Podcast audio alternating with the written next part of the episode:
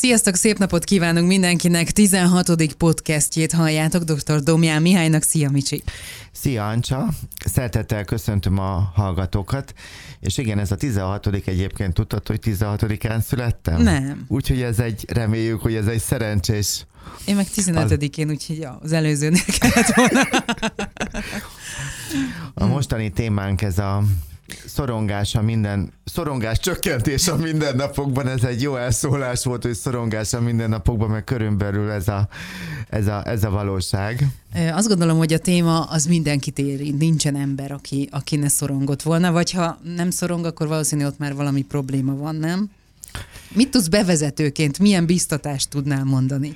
Hát azért, ha nem szorongunk, és mondjuk az öröm állapotában vagyunk, azért mondjuk az nem probléma, de valóban, hát bevezetőként annyit szeretnék elmondani, hogy mindannyian kell, hogy megértsük azt a dolgot, hogy szorongani szabad, és hogy egy szintig ez egy egészségesen jelen lehet az életünkben, azonban ennek a mértéke, és nem csak a hosszára gondolok, hanem a, a mélységére, azért ebben nagyon nagyok a különbségek, és hogy a szorongás csökkentésről, amikor fogok beszélni, akkor itt nem a szorongásnak a teljes megszüntetése a cél, hanem hogy a saját életükben ezt a szintet tudják egy kicsit csökkenteni, illetve ez egy idővel tud ez létrejönni.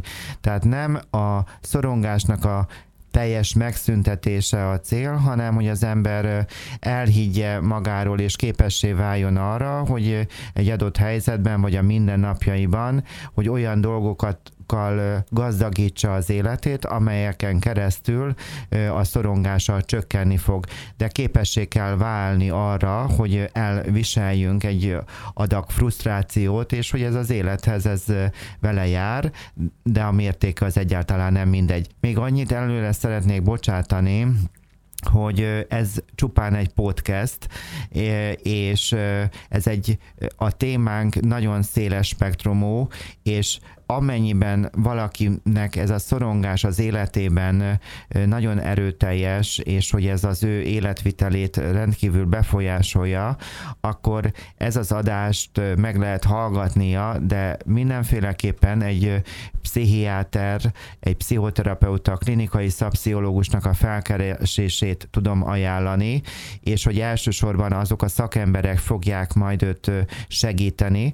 Ezzel az adással az egészséges embereknek a megküzdését próbálom támogatni. Tehát ezt csak azért szeretném előre bocsátani, nem magyarázkodom, hanem ebben nagyon sokfajta szorongásos megbetegedések vannak. Én most nem erről fogok beszélni, hanem arról, hogy hogyan lehet egy, egy egészséges embernek, akinek vannak igenis, hogy feszültebb, frusztráltabb, vagy olyan akár lehangoltabb és nehezebb helyzetekben mit lehet azzal az életvitellel tenni, hogy kevesebb szorongással tudja az életét élni. Erről fogunk beszélni. Pont. Mielőtt belevágunk, muszáj megkérdeznem pszichológusként, ismered a szorongást? Tehát a saját életedben is tapasztaltad? Tapasztalod úgy is, hogy tudod, hogy hogyan kell leküzdeni? Természetesen, hogy, hogy pont klienssel beszéltem, hogy én nekem is most lesz jövő héten egy, egy olyan megmérettetésem, amivel kapcsolatosan érzékelek magamban egy, egy, egy, egy gyomor görcsöt, de most ez egy nem egy kibírhatatlan, hogy az ember amikor úgy rágondol, tehát hogy fontos, hogy látni, hogy hát igen, hát vannak megmérettetések, nehézségek, vagy ami, amitől az ember befeszül. Nagyon érdekes, hogy ez a feszültséget igaz, hogy a, az izmaink összehúzódnak, és hogy a, a, ezek a stresszpontok a, a nyakunkon, a, a, a hátunknak a felső része, a gerincoszlop mentén, hogy mennyire jó, hát majd fogok akár a masszázsról is beszélni, tehát hogy, hogy a testünk is ezekre reagál, és nem csak ezek a stresszpontokon, amit előbb mondtam, hogy most én ezt a gyomromban éreztem, de hogy ezzel meg lehet tanulni együtt élni, és hogy igenis, hogy átgondolni ezt a előttem álló megmérettetést, és hogy erre felnőttként megnézni, hogy mi az, amit tudok tenni, és mi az, amit nem. Egyébként Felmár András azt mondja, hogy a szorongás szerinte azt jelenti, hogy olyat akar az ember, amit nem tud akarni. Bagdi Emőkének, professzornőnek meg van egy olyan gondolata, vagy olvastam tőle, ő is valakitől idézte, hogy azt szorongjon, aki azt élvezi. Tehát, hogy igen, a, a nagyjainknak is vannak nagyon jó mondatai, és egyébként lehet, vagy ajánlom mindenkinek, én is elkezdtem másoknak a, a podcastjait is hallgatni, és nem azért, mert hogy én ebből, hogy mondjam, másolni akarok, hanem azt gondolom, hogy egyre több ember rá tud arra jönni, hogy amikor egyfajta passzív tevékenységet csinál, vagy éppen krumplit pucol, vasal, akkor a tévét be tudja kapcsolni onnan a YouTube-ot, vagy a Spotify, Apple Podcast, a Google Podcast-en tudja ezeket a műsorokat, vagy, vagy más videókat hallgatni, és hogy olyan információkat, vagy olyan tanulási lehetőség, vagy egyfajta nyitottságot tud ez adni, amelyben azt gondolom, hogy tudunk tovább menni. Tehát például vezetés, vagy, vagy egy tömegközlekedés, festésben, kertészkedés, ezekről tudom, hogy szinte minden podcastben ezekről beszélek, de hogy alapvetően azt látom, hogy van, aki fel tudja ezeket az időszakokat néha napján, amikor úgy nyitott erre, akkor használni, és hogy többek lehetünk azáltal, hogy a másiknak a véleményét meghallgatjuk, így tudjuk a saját véleményünket, a saját hozzáállásunkat, saját döntéseinkhez, talán ehhez is tud egy picit egy ilyen műsor adni. Az a lényeg, hogy meg kell szűrni mindig úgy, hogy amit én mondok, azt is meg kell szűrni. Nem biztos, hogy igaz. Milyen gyakorlatok csökkentik a szorongást? több mindent szeretnék majd felsorolni. Hát a legegyszerűbb dolog az a légzéskontroll, vagy egy, úgy is mondhatnám, hogy egy nyugodt, mély légzés ha hallgat, most vettem egy mély levegőt, hogyha ha valaki hallgat minket, és visszagondol arra az időszakára, amikor mondjuk mondjuk nagyon feszült volt, akkor általában úgy van, gyors be, gyors ki légzéseken, egy ilyen felszínes, gyors légzések kísérik ezeket az állapotokat, és érdemes ezeket a ezekben a helyzetekben, amikor ezt felismerjük, akkor a légzésünket mélyíteni. Ha valakinek már így indul a napja, akkor teheti azt, hogy még egy pillanatot ott marad az ágyban, és akkor odafigyel a, a belégzésre, elképzelheti akár ez egy kolléganőtől tanultam, hogy mintha a levegő molekulákat így vizionálná maga előtt, és akkor, hogy beszívja a levegőt, lentartja egy kicsit a hasában, és utána kifújja lassan a, a, a levegőt.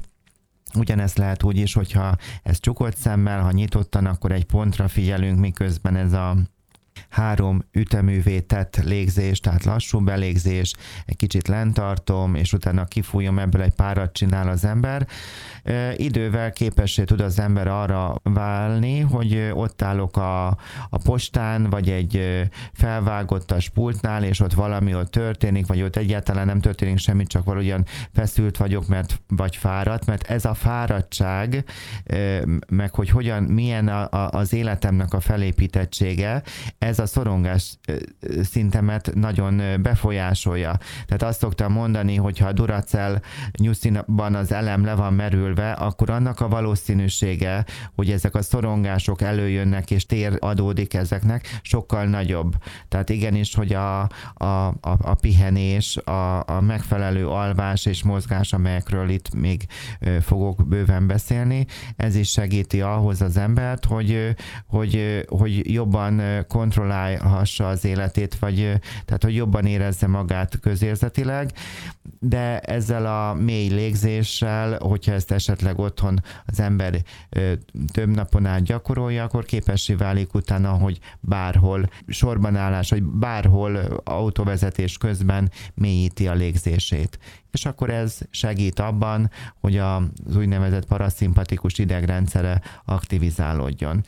Még annyit szeretnék elmondani, hogy ezek a gyakorlatok, meg amikről fogok beszélni, ezek lassan fogják kifejteni a hatásukat. Tehát igaz, az a fajta vágy, hogy ha valaki elment egy szakorvoshoz, és ott mondjuk kapott egy szorongás csökkentő tablettát, azzal ezek a gyakorlatok nem tudnak versenyezni. Tehát, hogy, hogy, hogy azok azonnal hatnak, ennek a felírása, meg ennek az egész, tehát a valakinek valóban betegség tehát a szorongásos betegségről beszélünk, vagy annak valamelyik formájáról, igaz, ez egy szakember által koordinált dolognak kell lennie, de hogy amiről én most szeretnék beszélni, ezek a gyakorlatok, amikor egy egészséges ember próbál önmagára odafigyelni, akkor ezek a gyakorlatok, vagy ez a hozzáállás ennek a életútnak, a, vagy az élet felfogásnak az áthangolása, ez fokról fokra tud hatni, és hogy ennek időt kell adni. Tehát, hogy azt tudom mondani, hogy egy, ezek a gyakorlásokkal fél év, egy év múlva fogja ezeknek a hatását úgy igazániból átélni. Tehát lehet, hogy mondjam, házilag egy egészséges ember sokat tud a egészséges mentálhigiénéért tenni, de ez nem már hónapra történik, itt hónapokról van szó, de igenis, hogy működik, és hogy látom a saját életemben is, hogy, hogy ez, a, ez az életemnek a részévé vált, kicsit lassítani fogok, megint túl gyorsan beszélek, mert túl sok jót akarok mondani, és hogy elfelejtsek valamit, tehát hogy ma Magyarországon mindenkinek a kezében van egy okos telefon, folyamatosan jönnek az ingerületek a tévéből, a, tehát hogy állandóan jönnek ezek az impulzusok, szaladunk, meg akarunk felelni, nagyok az elvárások, nekem is nagyok az elvárásaim, és hogy egy olyan fajta mókuskerékben vagyunk, amely nagyon-nagyon kedvez sajnos annak, hogy ezek a szorongások ö, ö, nagyobb teret töltsenek be az életünkben, mint aminek egyébként ott lenne a helye. Tehát igenis, hogy a szorongás csökkentés a mindennapokban, ez egy, egy egészséges gondolkodású embernek ezzel foglalkoznia kell, és hogy meg kell találnia azokat a gyakorlatokat, vagy, vagy, vagy felfogásokat, amelyeken keresztül tudja az saját idegrendszerét és az életét támogatni, segíteni, hogy elégedetten és hogy jól lehessünk. Ugye beszéltünk már a légzés kontrollról, azért vannak itt még más módszerek Abszolút, is. abszolút. Amikor valaki nagyon befeszül, akkor az izmainkat, tehát nem tudjuk akkor relaxálni, mert hogy valami történik velünk, és, és hogy egyszerűen ezek az izmaink nagyon kötöttek és érdekes módon, hogy ekkor egy amerikai orvos 1938-ban Jacobson dolgozta ki, illetve írta le az izomrelaxációt, tehát ez a progresszív relaxációt, amelyet azt jelenti, hogy amikor egy izom meg van feszülve nagyon a testünkben, akkor ezt ellazítani nem tudjuk, viszont ha tovább feszítjük, még jobban megfeszítjük azt az izmot, akkor viszont utána el tud lazulni az izom. Fantasztikus a testünk. Fantasztikus. Amikor a nyakunk beáll, ezt, ezt is mondjuk szorongás vagy stressz okozhatja? Abszolút. Uh-huh. Abszolút igen. Ez az izom progresszív relaxációnak utána lehet a neten nézni.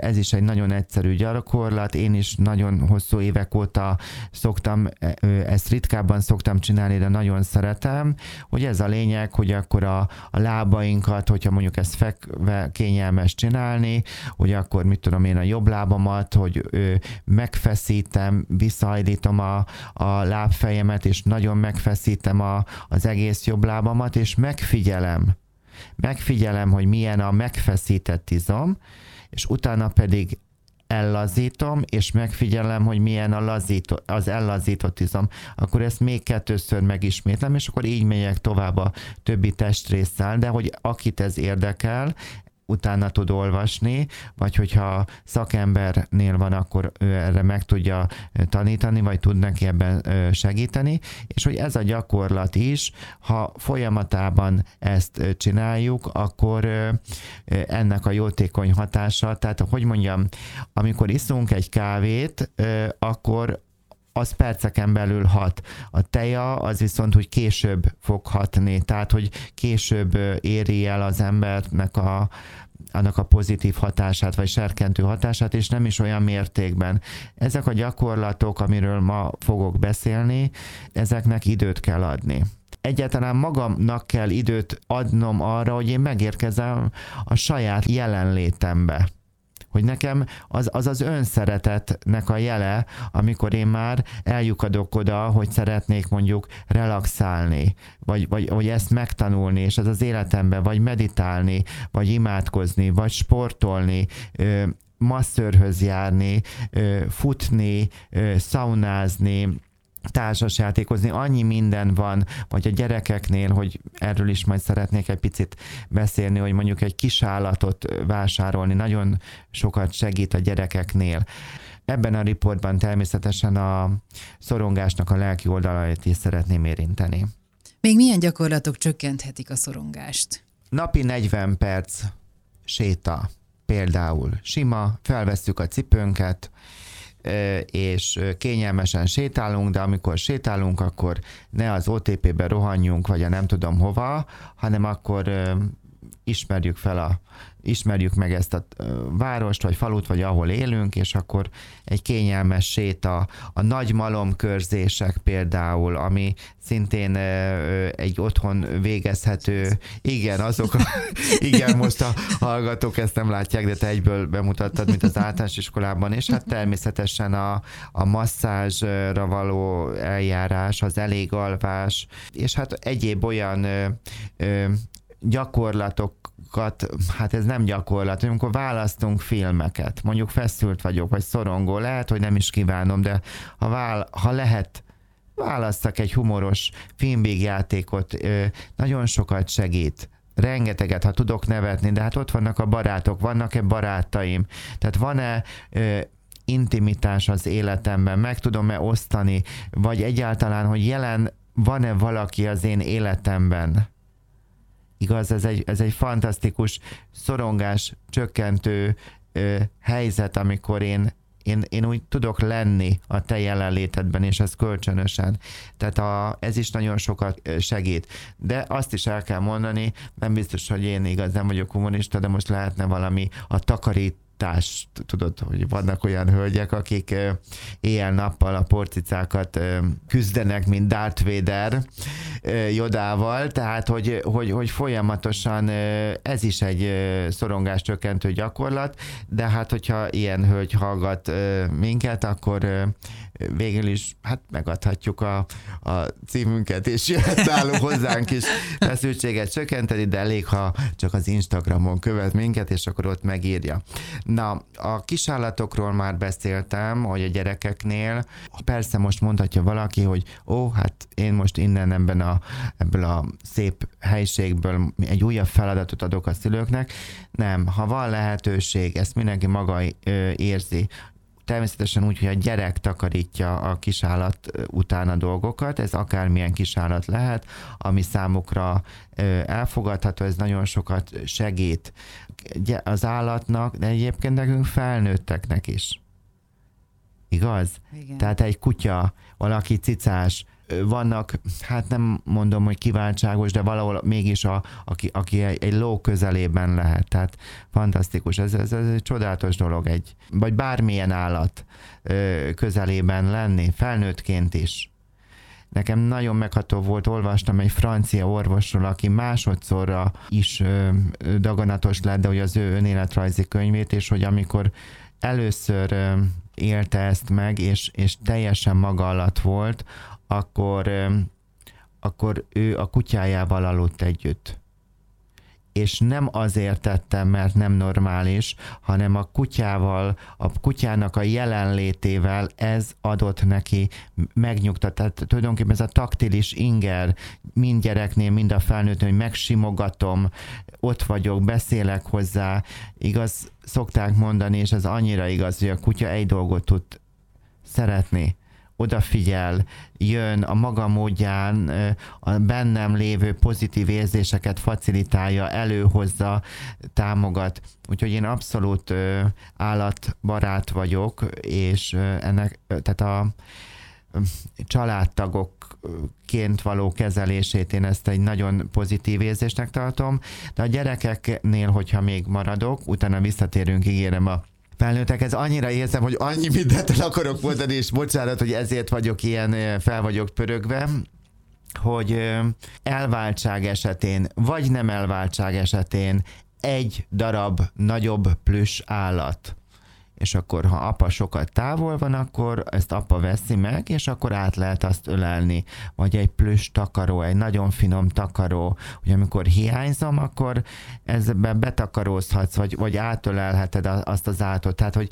ezek a, igen, de természetesen nem akarok csak ezen a szinten lenni a gyereknek, az ad szorongást, hogyha a szülők nem tudják a felelősséget vállalni, hogyha nem a, a családi hierarchiában nem a szülő van felül, ez azt jelenti, ez nem középkor, hanem a, a szülő a felelősségi vállalása miatt, mivel hogy ő a felnőtt, igenis, hogy vannak, amely dolgokra igent, illetve nemet kell, hogy mondjon, kell, hogy ebben a családban legyenek szabályok és következmények és jóvátételek, amely nem csak a gyerekre vonatkozik, hanem a szülőre is, és azokban a családokban, ahol a gyerek nem tud az életkorának megfelelően gyerek lenni, mert hogy ő irányít, mert hogy ő az, aki a szülőjének a szülője, ez egy borzasztó szorongató helyzet. Tehát természetesen nem csak a kisállat, vagy egy plüss maci, vagy egy plüss takaró tud segíteni, az is, hanem,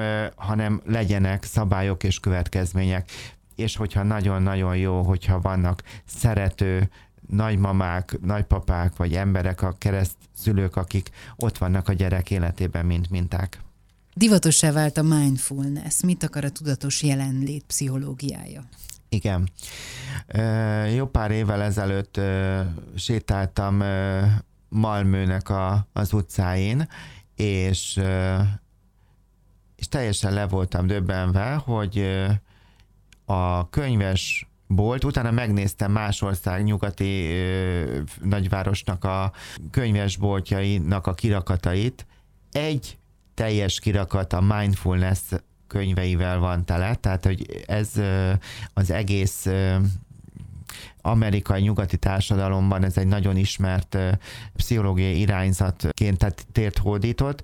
Ezt magyarul úgy lehet elmondani, hogy ez a tudatos jelenlétnek a pszichológiája, és 1979-ben egy amerikai orvosprofesszor írta le, gyakorlatilag az a lényege, hogy gyakorlatokon keresztül nem egy nap, nem kettő nap, hónapokon keresztül megtalálhatom azt a, azokat a meditációs gyakorlatokat, vagy csak azok közül egyet, amelyeken keresztül tudok egyre jobban figyelni. Tehát megtanulhatok a figyelmemet koncentrálni, oda koncentráltam, például a légzésre például a hangokra. Igaz, vannak a, az ember elmegy egy joga teremben, általában a végén van egy hangtál, tehát hogy ennek ezt nem misztifikálni szeretném, hanem tényszerűen, hogyha a hangokra oda tudok figyelni,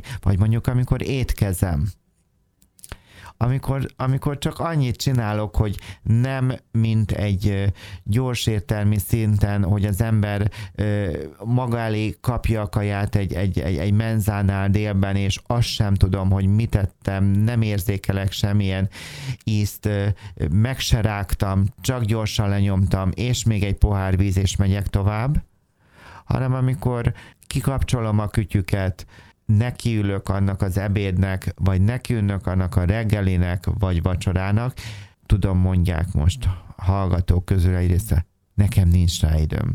Igen, lehetséges, hogy elfogadom, hogy van olyan, akinek valamire erre nincs ideje. Nem kell hibáztatni a másikat, mert hogy ő neki most valamilyen olyan ö, helyzetben van, hogy, hogy, hogy nagyon kevés időt tud magára ö, fordítani, de ott van például a hétvége, hogy ott tudok-e olyan aktív és passzív dolgokat működtetni, vagy legalább egy héten egy nap, amikor én tudok nem csak regenerálódni, hanem akár ebben a figyelemben ö, növekedni. és a, az étel meditáció az azt jelenti, tehát ez nem kell valami különleges dolgokra gondolni, hogy leülök, vagy leülünk, és megízleljük a falatokat, megrágjuk a dolgokat, odafigyelek, hogy mi van a számban, figyelem ezeket az ízeket, ezt az egész, akár, hogy, hogy ennek örülök, hogy van mit tenni, de most ez most már nem akarom ezt bővíteni, de hogy akár ez is lehet, és hogy elfogyasztom, és hogy, hogy ennek adom át magam. Ha ablakot pucolok, akkor lehet ablakpucolásos meditációt csinálni, hogy akkor arra figyelek oda, hogy akkor ez milyen szép tiszta lesz, és hogy akkor itt ennek is megadom a módját. Tehát erre figyelek, tehát ez, ez nem egy ilyen extra dolog, ami, ami, amit ez az orvos ö, ö, leírt, mégis, ahogy ő ezt megtette, és ezt a világnak adta, ez egy hatalmas kincs. És azt kell megérteni, hogy ha én tudok oda figyelni, most én a zakarancsára figyelek, és hogyha én rád oda tudok figyelni, akkor igazándiból az én agyalásom csökkenni fog. Tehát az a lényege ennek, hogy a mindfulness, a tudatos jelenlét pszichológiája azt adta a világnak, ha megtanulok figyelni, akkor csökken a szorongásom mert nem tudok egyszerre agyalni és szorongani. Ha sportolok, akkor megint, ha sportolásnál nem tudok egyszerre, igaz van, hogy ez körülbelül egy napi 40 perces séta, vagy mondjuk egy 20 perces futás után nem tud az ember idegrendszerileg szorongani, és mondjuk ö, futni, vagy hogy mondjam, tehát először ö, szorongva tudok futni, de utána lesz egy, egy, egy kioltás, ugyanis ahol a sportnak, vagy a nagy malomkörzésnek, vagy a futásnak, tehát hogy ez, ez az idegi központ, amely az agyamban van,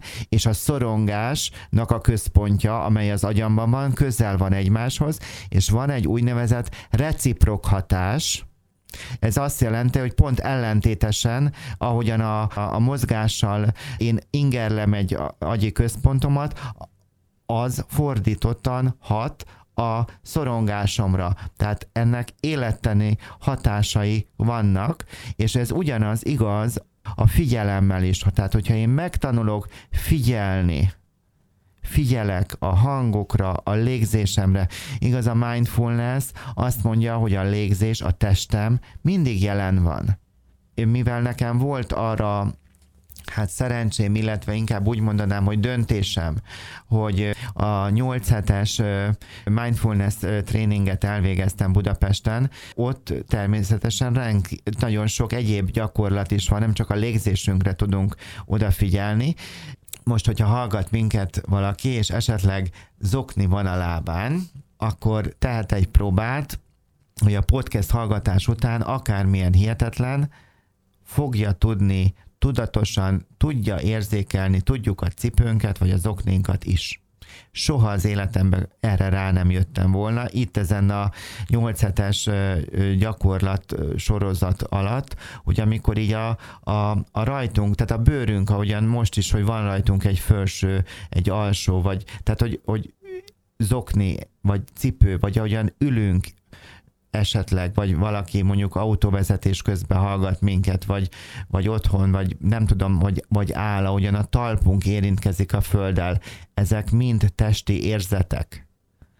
Ugyanúgy, mint a légzésünk, vagy ahogyan a ruhánk érintkezünk a, a bőrünkkel. Ha elkezdünk ezekre odafigyelni, tehát ezt egy gyakorlattá teszem, hogy minden nap meditálok, de hát ha ezt megkérdezed, hogy mi a meditálás, igen, akkor ez, ez azt fogja majd hónapok múltán eredményezni, hogy az agyalásom és ezzel együtt a szorongásom csökkenni fog.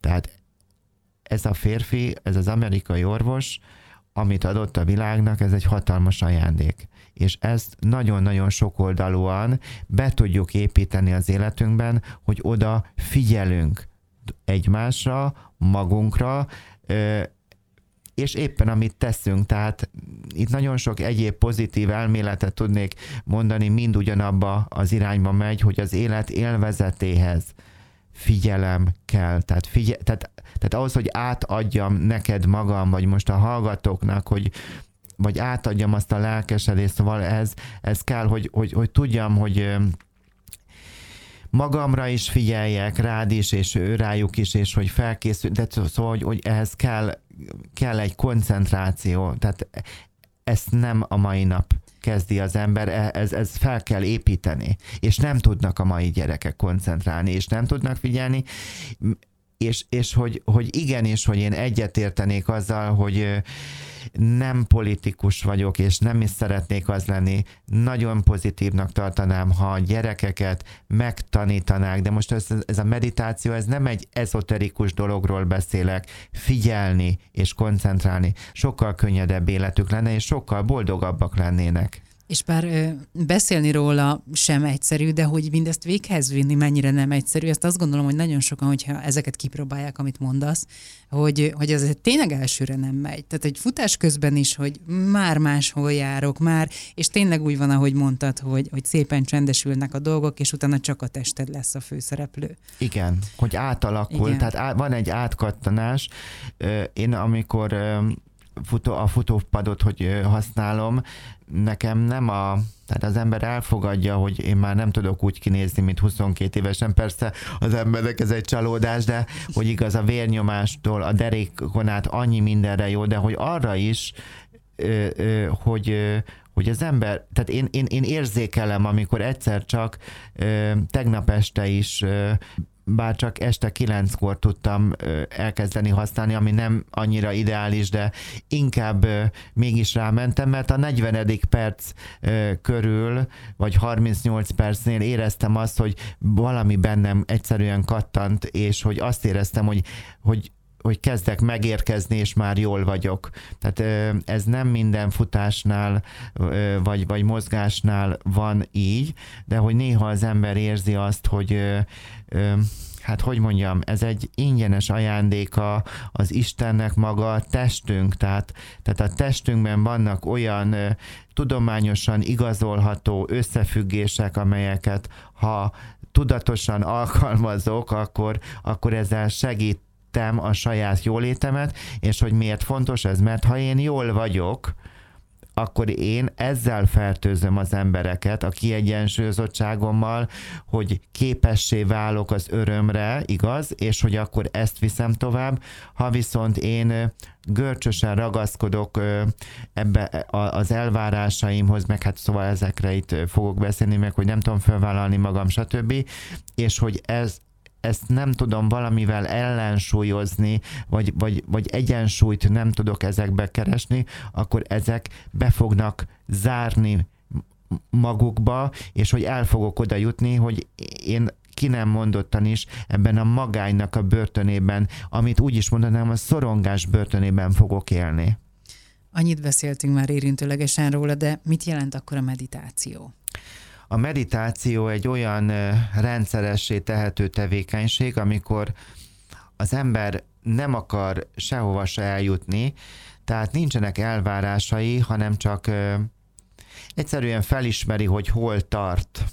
Most ezt a mondatomat, hogyha valaki próbálja összeilleszteni a 21. századnak a gondolkodásával, kettő között, mintha nem lenne kapcsolat. Tehát azt lehet mondani, hogy a medita- amikor meditálok, akkor nem tenni akarok, nem elérni, nem teljesítmény után megyek, tehát nem, nem, nem azt akarom, hogy a meditáció nem tud minket erőssé tenni, hanem ott nem tenni akarok, hanem lenni. Tehát akkor, amikor én elkezdtem meditálni, akkor én rá, tehát volt egy olyan tapasztalatom, hogy harag volt bennem. És ennek ellenére leültem, és mertem jelen lenni. Teret adtam ennek a haragnak is. De nagyon fölhúzott valaki, és hogy így figyeltem ezzel együtt a, a, a jelenlétemre, a légzésemre, és ez egy ilyen negyed óra, 20 perc volt, és amikor vége volt a meditációnak, valóban még mindig volt bennem harag, és nem is kevés, viszont rá megéreztem egy-két óra múlva, hogy egyszerűen elpárolgott belőlem. Tehát maga a meditáció az, az nem egy, egy azonnali hatású hát kimondom, Xanax, vagy Frontin, vagy Rivotril, vagy, tehát, hogy nem, nem, nem így működik, hanem, hanem ez egy lassan ható, pozitív vumot rejtő tevékenységünk. Ebben a figyelemben tudunk növekedni, akkor rá fogunk arra látni, hogy mennyire sok dologban automatikusan gondolkodunk, és automatikusan cselekszünk. Ez akár az ítélkezéseinkre is vonatkozik, és hogy ez a, amikor az ember gyakorolja a visszatalálást önmagához, fejleszti a figyelmét, tanul csak jelen lenni, akkor ez abban segít, hogy az automatikus mindennapi válaszainkra tudatos válaszokat adjak. Tehát egyáltalán, hogy felmerüljön bennem az, hogy értem, hogy egy adott helyzetben eddig hogyan reagáltam automatikusan, de hogy tulajdonképpen mi is, ami nekem a jó, vagy a jövőben énemnek mi a jó, hogy vagyok én ezzel, hogy elkezdek gondolkodni is, nem csak ebben a reakciómódban lenni. Tehát a, a meditációt azt lehet mondani, hogy effektíve ebben nem teszek semmit, hanem hogy ez a figyelem, ebben növekszem. Én a saját életemben a meditációt összekapcsolom az imádkozással, és az ortodox egyháznak egy nagy ajándéka, igaz, mi nem ortodoxok vagyunk, hanem hát itt mondjuk én katolikus vagyok, de most akárki hallgat minket, hogy ez nálunk kevésbé ismert, ez az úgynevezett Jézusima, hogy belégzésre én azt a szót választottam, többből lehet választani, hogy Jézus kilégzése az, hogy Krisztus. Én így szoktam ezzel meditálni, és ez nem csak, hogy a itt nem a szavaknak a mágikus használatáról van szó, hanem hogy én hiszek abban, hogy Isten jelen van az én életemben, és ezben a hitben vagyok benne, és ebben a hitemnek az erősítéséhez használom az ő nevét, és hogy ezt összekapcsolom, tehát a, a, a meditációt az imádkozással. Szintén tegnap volt nálam egy hölgy, fantasztikus, csodálatos, nem is tudom elmondani. Szóval vannak ilyen nagy, nagy ajándékai ennek a pszichológusi munkának, őszintén elmondom, hogy, hogy én egy kiváltságos munkának tartom, azzal együtt, hogy vannak rendkívül nehéz helyzetei is, és hogy ő neki egy szakítás kellős közepén egy vers részlet jött fel benne, és ezt kezdte, ezt a vers részletet kezdte el mondogatni magában teljesen spontán. És amikor lement a kutyát sétáltatni, vagy bármit, hogy ez, ez a vers részlet dolgozott benne. Tehát tulajdonképpen a tudatunkban, tudatukat tudjuk Hát ez a szó, hogy mantra, ez megint olyan rendkívül furcsa szájízt jelent, de hogy olyan megerősítő mondatok vagy gondolatok, akár egy igerész is, vagy, vagy egy versrészlet, vagy bármi, ezeknek az ismétlésével is vissza tudunk ahhoz találni ahhoz az élethez, amiben most vagyok, hiszen ha bármire figyelek, akkor visszajövök a jelenhez, és hogyha én a jelenben vagyok, az itt és mostban, tehát érzékelem, hogy most én itt ülök, most veled szemben vagyok egy kicsit oldalt, és hogy szóval, hogy itt ebben vagyok, megérkezem, akkor bennem nincs szorongás. Ez egy, ez egy hatalmas ajándék.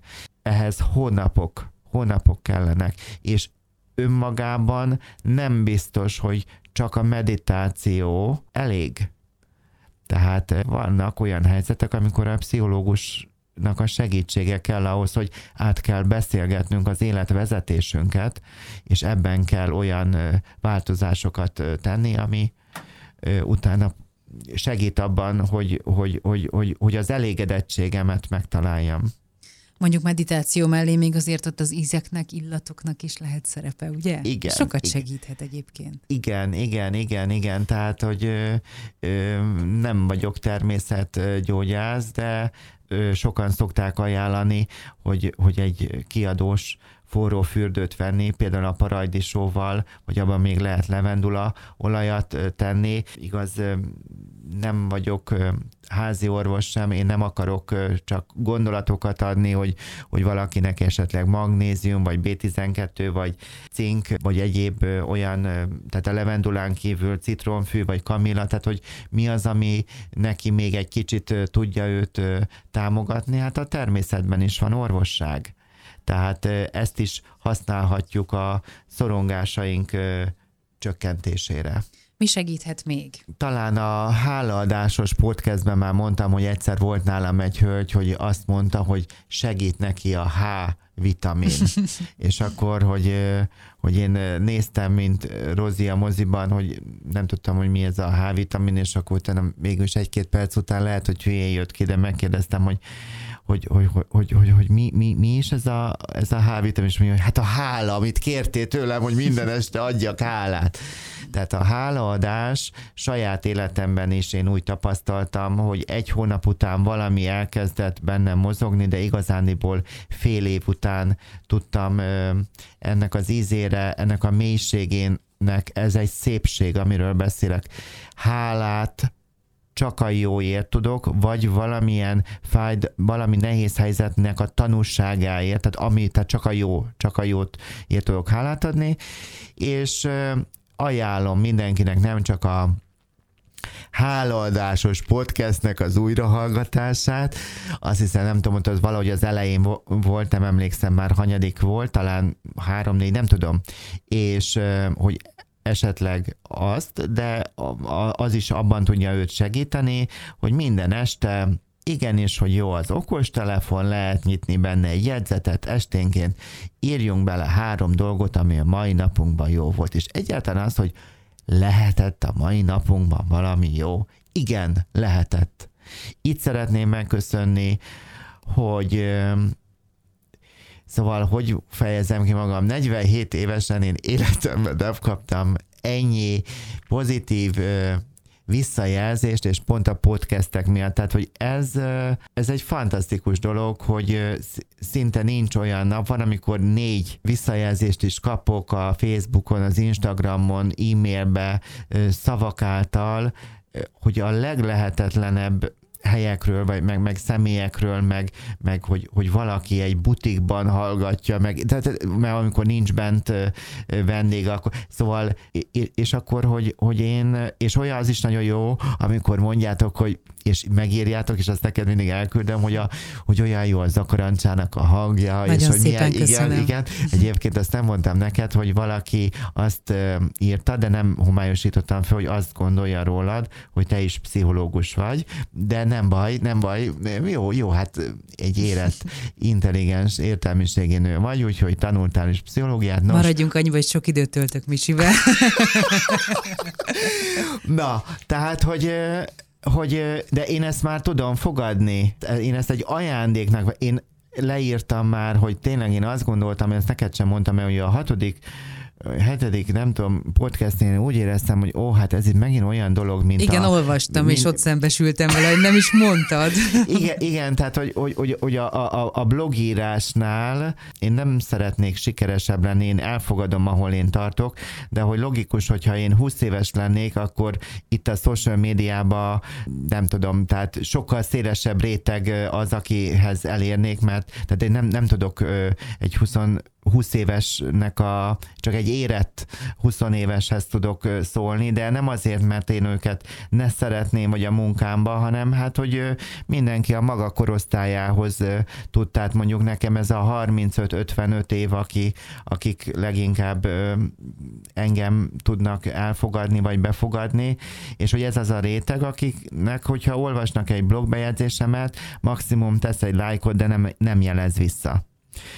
És érdekes módon, hogy ez a podcasteknél viszont nem így van, hanem itt állandóan, és hogy ennél a hatodik, nyolcadiknál éreztem azt, hogy ez is olyan lesz, mint ez a blog, hogy ilyen, ilyen vakon írok. De tényleg így van teljesen vakon.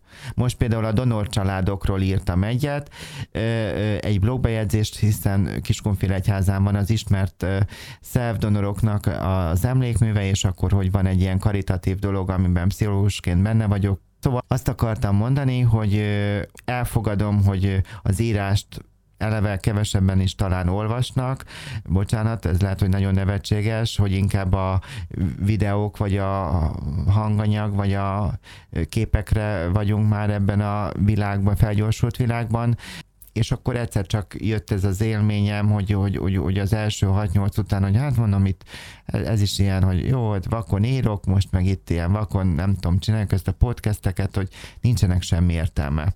És akkor valahogyan ugye a tizedik után elkezdtek jönni a, a, a visszajelzések, és, és meghatódom, tehát olyan, olyan, ö, olyan ö, őszinte, vadidegen emberek írnak, nem csak Magyarországról, tehát ahol magyarok élnek, külföldről, és hogy én ezért őszintén tudok hálás lenni. Tehát, tehát már olyan felfokozott vagyok ezzel kapcsolatban, hogy jöhetek, meg minden, nem kell ebből úgy gondolom, hogy nagyon sokat csinálni, mert akkor meg túl annak sincs értelme, tehát hogy havonta mondjuk egyet elkészíteni, és hogy inkább ebbe beletenni az embernek magát, és, és hogy akkor itt pedig már tudom elfogadni a jót.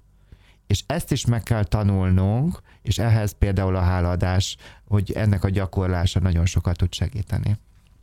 Hogyan segíthet a következő nap megtervezése, mondjuk a szorongás csökkentésben? Igen, igen. Lehet, hogy már egy kicsit sok fajta pontot hozok, vagy, vagy, vagy, vagy, vagy dobunk fel a szorongás csökkentésre, de mivel ez egy népbetegség, ezért azt gondolom, hogy ragadjuk meg ezt a lehetőséget, és akkor valóban következő napomnak a fel térképezése, illetve felépítése helyesebben, bocsánat, ez nagyon sokat tud a szorongásaimban csökkentésben segíteni. Ugyanis, ha én ma szerda van, most hirtelen gondolkoztam, hogy milyen nap van, igen, és akkor átgondolom a csütörtöki napomat, és látom reggeltől estig, hogy, hogy tehát meg tudom tervezni nagyjából, persze az ember dolgozik is, de előtte, utána, hogy hogyan fogom ezt a napot kvázi kitölteni, milyen tartalmak lesznek benne, és ezeket, hogyha így az fantáziámmal, a, képzelőerőmmel, tehát ezt így végig tudom gondolni, és hogyha lehet, hogy valakinek pont a holnapi napja nagyon nehéz lesz, vagy a jövő heti egyik hétfői napja, akkor már sokkal korábban azt a hétfői napot, reggeltől estig azt a napot át tudja gondolni, meg tudja, fel tudja építeni.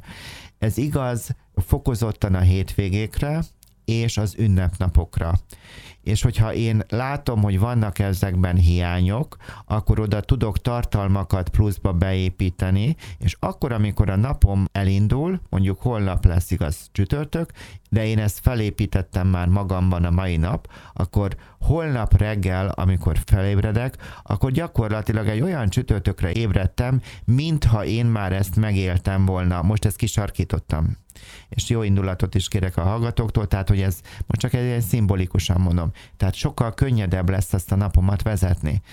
Általában a, a, a napi rend, vagy a heti rendnek a felépítése, ez, vagy ez a tervezés, bármennyire egyszerű is legyen, akár például látom azoknál, akiknek kisbabájuk van, és otthon vannak, ez is nagyon sokat segít, hogy valami fajta mint egy órarend szerűen van az iskolában, és akkor, hogy ezt heti rendnek szoktam hívni, vagy tehát, hogy felépíteni, segít különböző szerepekre odafigyelni, és akkor abban jobban el tudom magam engedni. Mondtad, hogy a szorongás az gyakorlatilag mindenkit érint. A maximalizmus is szerintem elég sok embert. Viszont ezt valahol valamikor fel kell ismerni. Aztán meg elengedni. Igen, igen, igen. Tehát ez a tökéletességre való törekvés megint csak savazom a social médiát, ugyanakkor a social média segít ahhoz, hogy, hogy mondjuk ezek a podcastek eljussanak A-ból B-be, tehát mindennek van ér, minden éremnek van két oldala, vagy a levélnek, ahogy van a színe, meg a fonákja.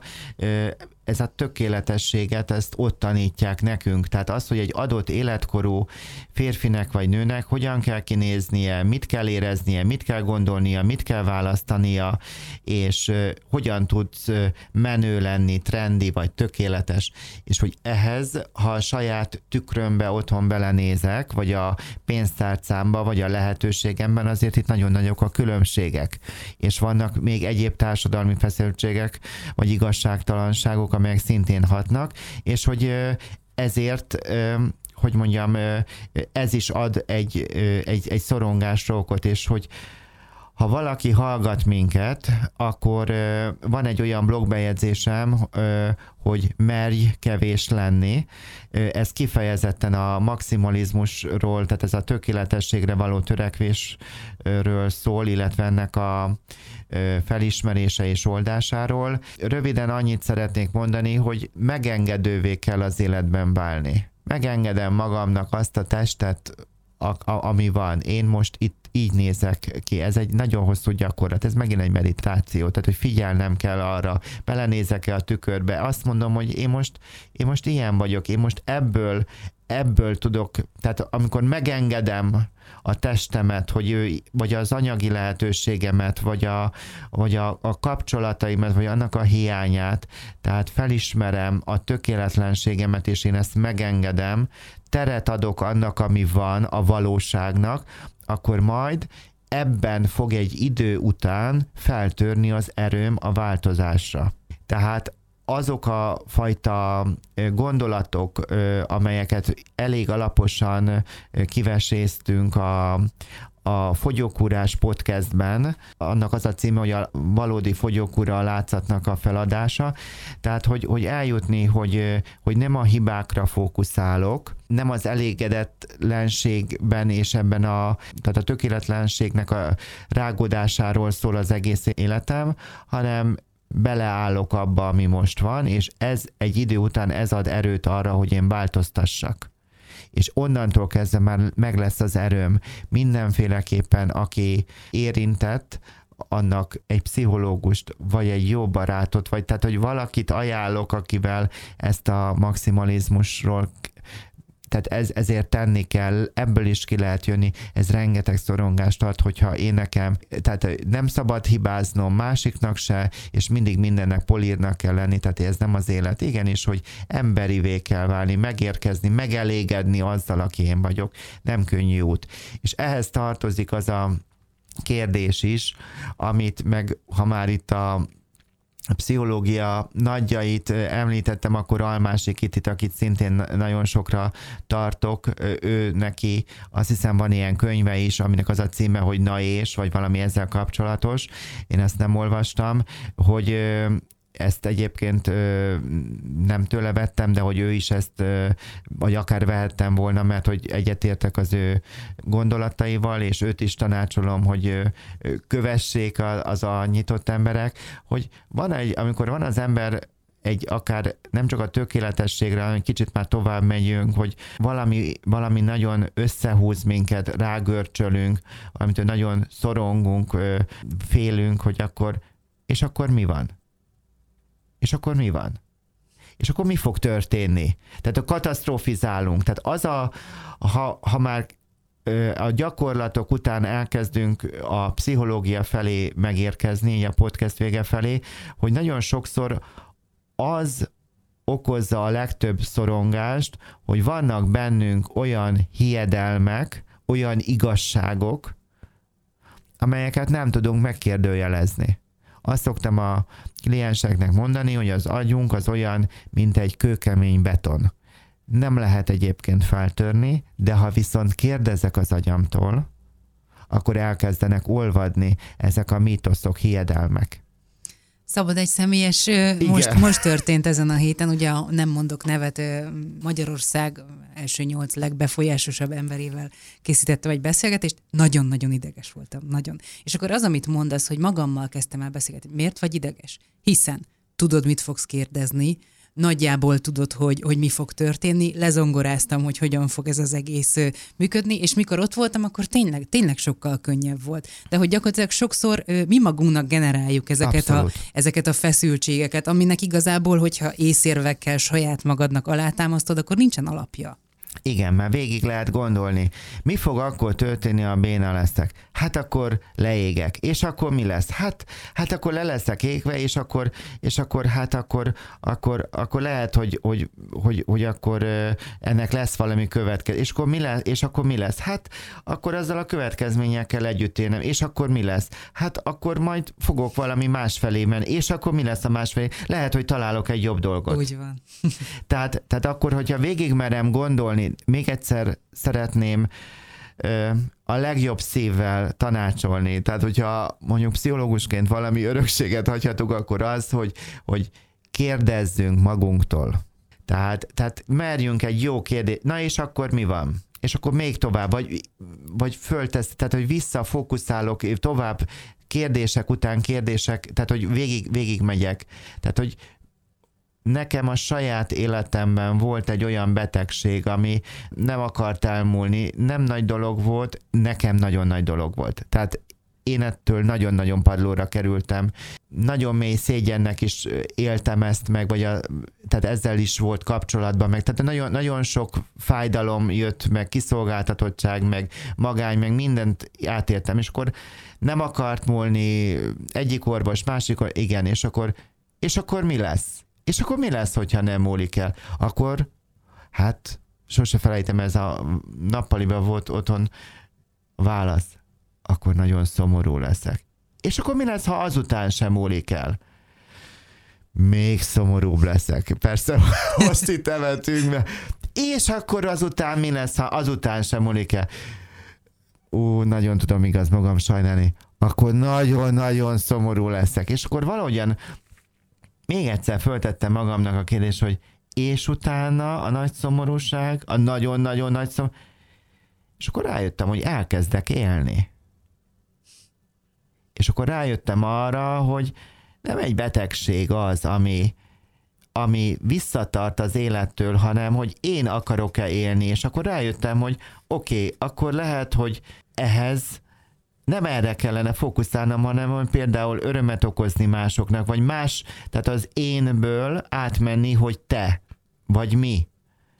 Ez a fajta ugrás, én azt gondolom, hogy nagyon kevés embernek az ajándéka, hogy nem az énben van, mert hogy nagyon sokan még mindig a hat évesnek a gyerek, mert a hat éves korig van az egocentrizmus, és még csak abba tud lenni, hanem hogy, hogy te, hogy, ne, hogy neked örömet okozni. És az a szó, most nem kell elkapcsolni, hogy szolgálat, miért? Nem lehet az nekem jó, hogyha szolgál, de most ezt nem úgy értettem, hogy nem alávetetként, hanem egyenrangúként, tehát hogy adok neked, vagy örömet okozok? Hát én azt gondolom, hogy ebben, ebben van egy kiteljesedés, és hogy nekem kellett ez, a, ez az élmény, hogy az énből átlépjek, és én ezért most már abszolút hálát tudok adni, és érdekes módon, hogy meg is találtam azt az orvost is, azt a pszichológust is, aki keresztül ezt mind lelkileg, mind fizikailag én ezt a helyzetet meg tudtam élni, és az üzenetét meghallani, és hogy beállt a gyógyulás, vagy a változás. Szóval ez, ez egy több éves dologra tett pontot, tehát, tehát ezeket nem lehet megspórolnunk, és hogy ha visszatérek ahhoz, ahol elkanyarodtunk, hogy az agyunktól kérdezzünk, mert az van, hogy, hogy sokszor automatikusan van egy szituáció, és akkor rögtön ezeket a printerli ki az agyunk, ezeket a hiedelmeket, és igazságokat fogadunk. Tehát olyan, tehát, tehát olyan hiedelmek vannak bennünk, amelyeket sose vettünk kézbe, sose gondoltunk tovább. Pozitív kivételek összegyűjtése, ez mit jelent? Mivel az időnk borzasztóan fogy, ezért csak annyit mondok, hogyha nekem a saját személyes életem, hogy sokszor szoktam a 103. életévben elhunyt Icire gondolni, akinek nagyon sokat köszönhetek, nem csak én, hanem a testvérem is. Ő nagy, anyai nagyanyámnak volt a testvére, és hogy én az ő életével tehát mivel mi rengeteget sztoriztunk, vagy ő sokat az életéről, nagyon mélyen őt megismertem, és nagyon mélyen tud, tudom őt szeretni, ő elhuny, de hogy bennem az emlékét, tehát hogy őt így tudom még most is szeretni. És nagyon sokszor eszembe jut, ha neki sikerült, hogy ő reggel elment dolgozni, amikor a kommunisták Magyarországon annó elvettek mindenkitől mindent, és ő reggel elment dolgozni, és mikor hazament, akkor a saját családi háza le volt lakatolva, és onnan azzal a ruhával ment el az anyai nagyanyámhoz, és egy kamrában kezdte az életét, és hogyha ő onnan fel tudott állni, és tovább tudott menni, és, és, és lettek örömei, és igen, ha őnek is sikerült, akkor, akkor nekem is fog. Nekem ez a saját életemben nagyon sokat ad. A másik dolog, hogy nekem is voltak nehézségeim, igaz, vagy egy olyan konkrét helyzet, hogy rosszul döntöttem, vagy nem döntöttem, és annak a levét ittam, de hogy utána az élet ment tovább, és mégis fel tudtam állni. Ha akkor fel tudtam, akkor most is. Mik voltak azok a tényezők a, a múltban, amikor én nekem azok ö, támogattak, erőt adtak? Ha ezeket tudom nevesíteni, akkor ezt most is meg tudom teremteni, és egyáltalán az a hit, az az önbizalom, hogy képes vagyok újból megtenni, amit meg kell, mert, mert ez egy fontos dolog az életben. Milyen szempontokat lehet még a szorongás csökkentéshez behozni? A realitásokat és a, az ideális dolgokat kell megnézni, hogy hogy vagyunk. Egy, egy, egy ilyen idealista világban élünk, álmodozunk. Itt szeretem az amerikai filmeket, semmi bajom nincs velük, de hogy szóval, hogy azt közvetítődik, hogy, hogy tehát ez, ez a, ez, a, ez a társadalomból jön, hogy amit már említettem, hogy hogyan kellene éreznem, gondolkodnom, hogy mit kellene választanom adott életkoromban, és és hogy mi magunkban is vannak nagyon sok mítoszok, hogy mindenkit szeretnem kell, amiben belefogok, abnak sikerülnie kell, engem is mindenkinek szeret, tehát ez a szeretet, hogy akkor majd engem is mindenki támogat, vagy hát ezek, ezek irracionális dolgok. Valaki szeret, van, aki nem szeret. Én sem tudok mindenkit szeretni. És, és hogy, hogy eljutni oda, hogy megérteni, ha nagyon nagy, hogy egy szülőnek a gyerekén, hogy, hogy, hogy, hogy ideálisan, ezt a szót ezt nem mondja, hogy mit vár el, hogy hogyan kellene a gyerekének viselkednie, de ő most csak azt tudja, amit tud, ha ez között nagyon nagy a távolság, vagy az anyagi életem, vagy a párkapcsolatomban, akkor ezt úgy hívjuk, hogy szorongás. Az elképzelt, vágyott dolgok és a realitás között nagyon nagy a szakadék, akkor ezt úgy hívjuk, hogy ez a szorongás.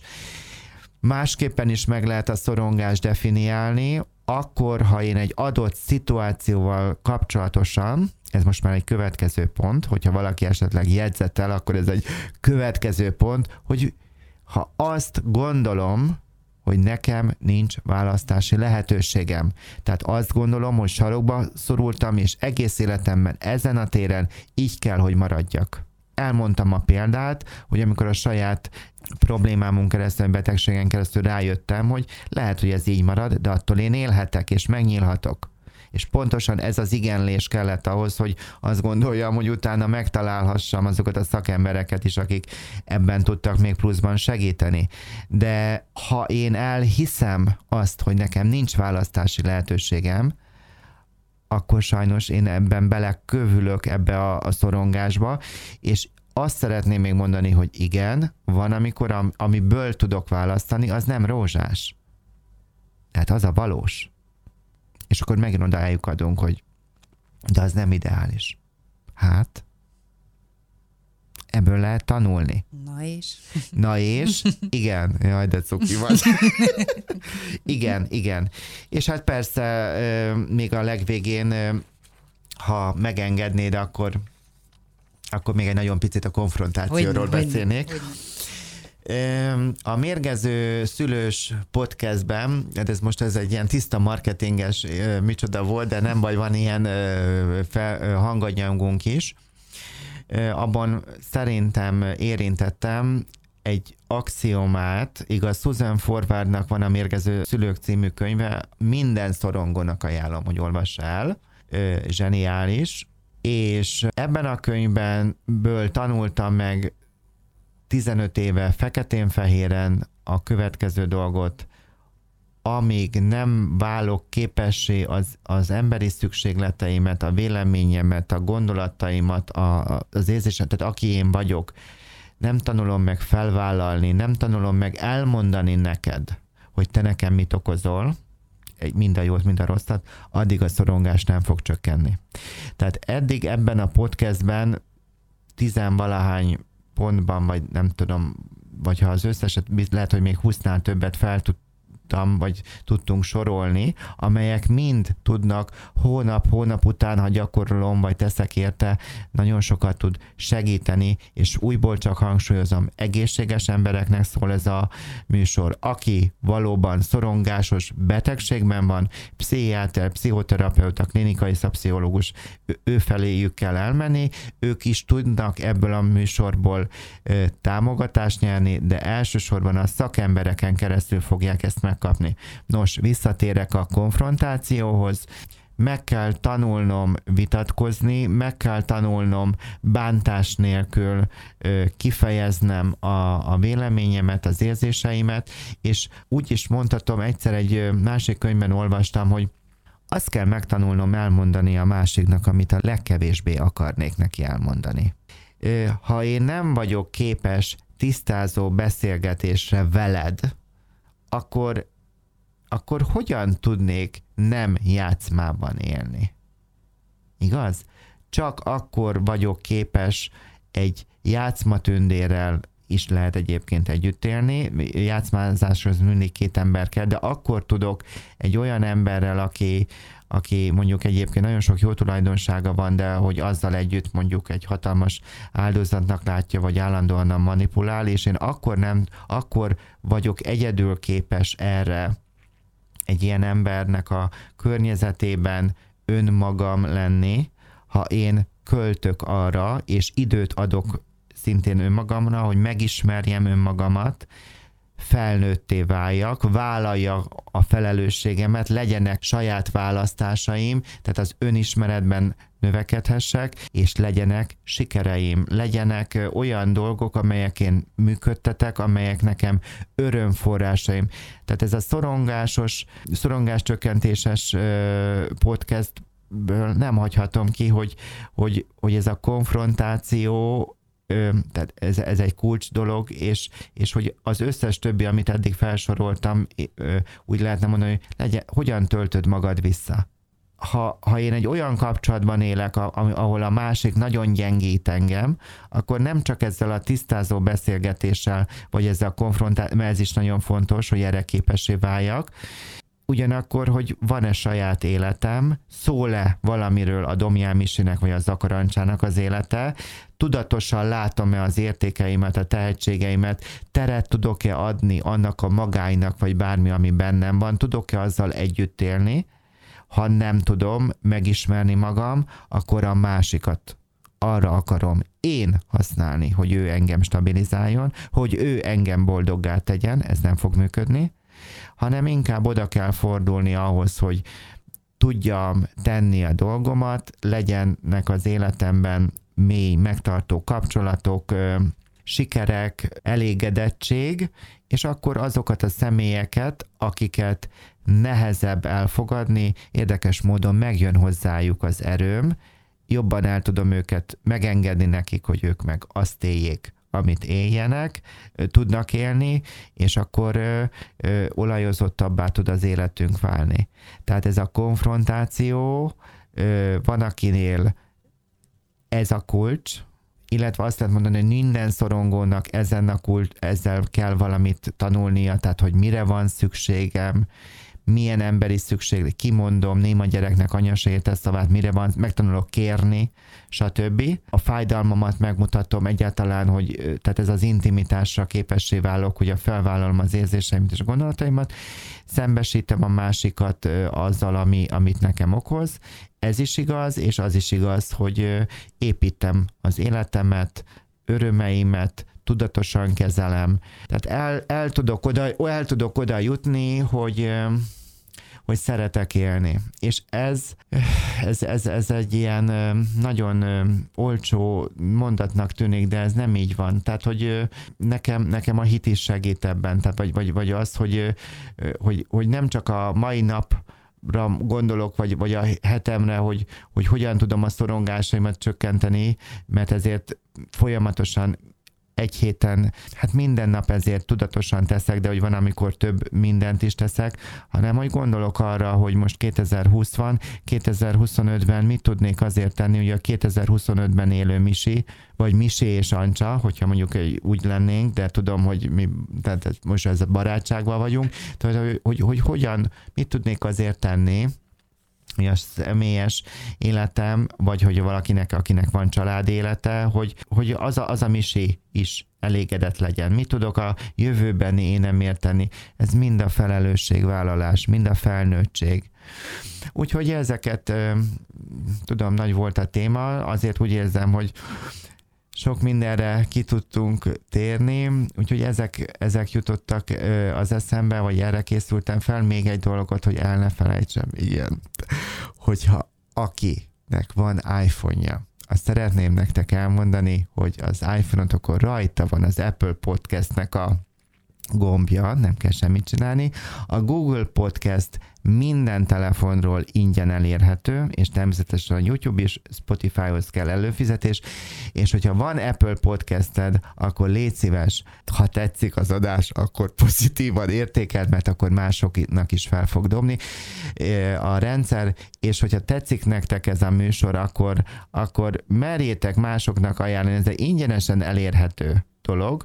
Hát, ha valakinek és bízom benne, hogy mindenki ebből a hosszú, most egy nagyon hosszú adásból egy mondatot tovább tud vinni, és, és, hogy, és hogy hálás vagyok ezért. Köszönöm. Köszönöm szépen. És nem mondtad, hogy az élet szép. Nem baj. Nem baj? Nem.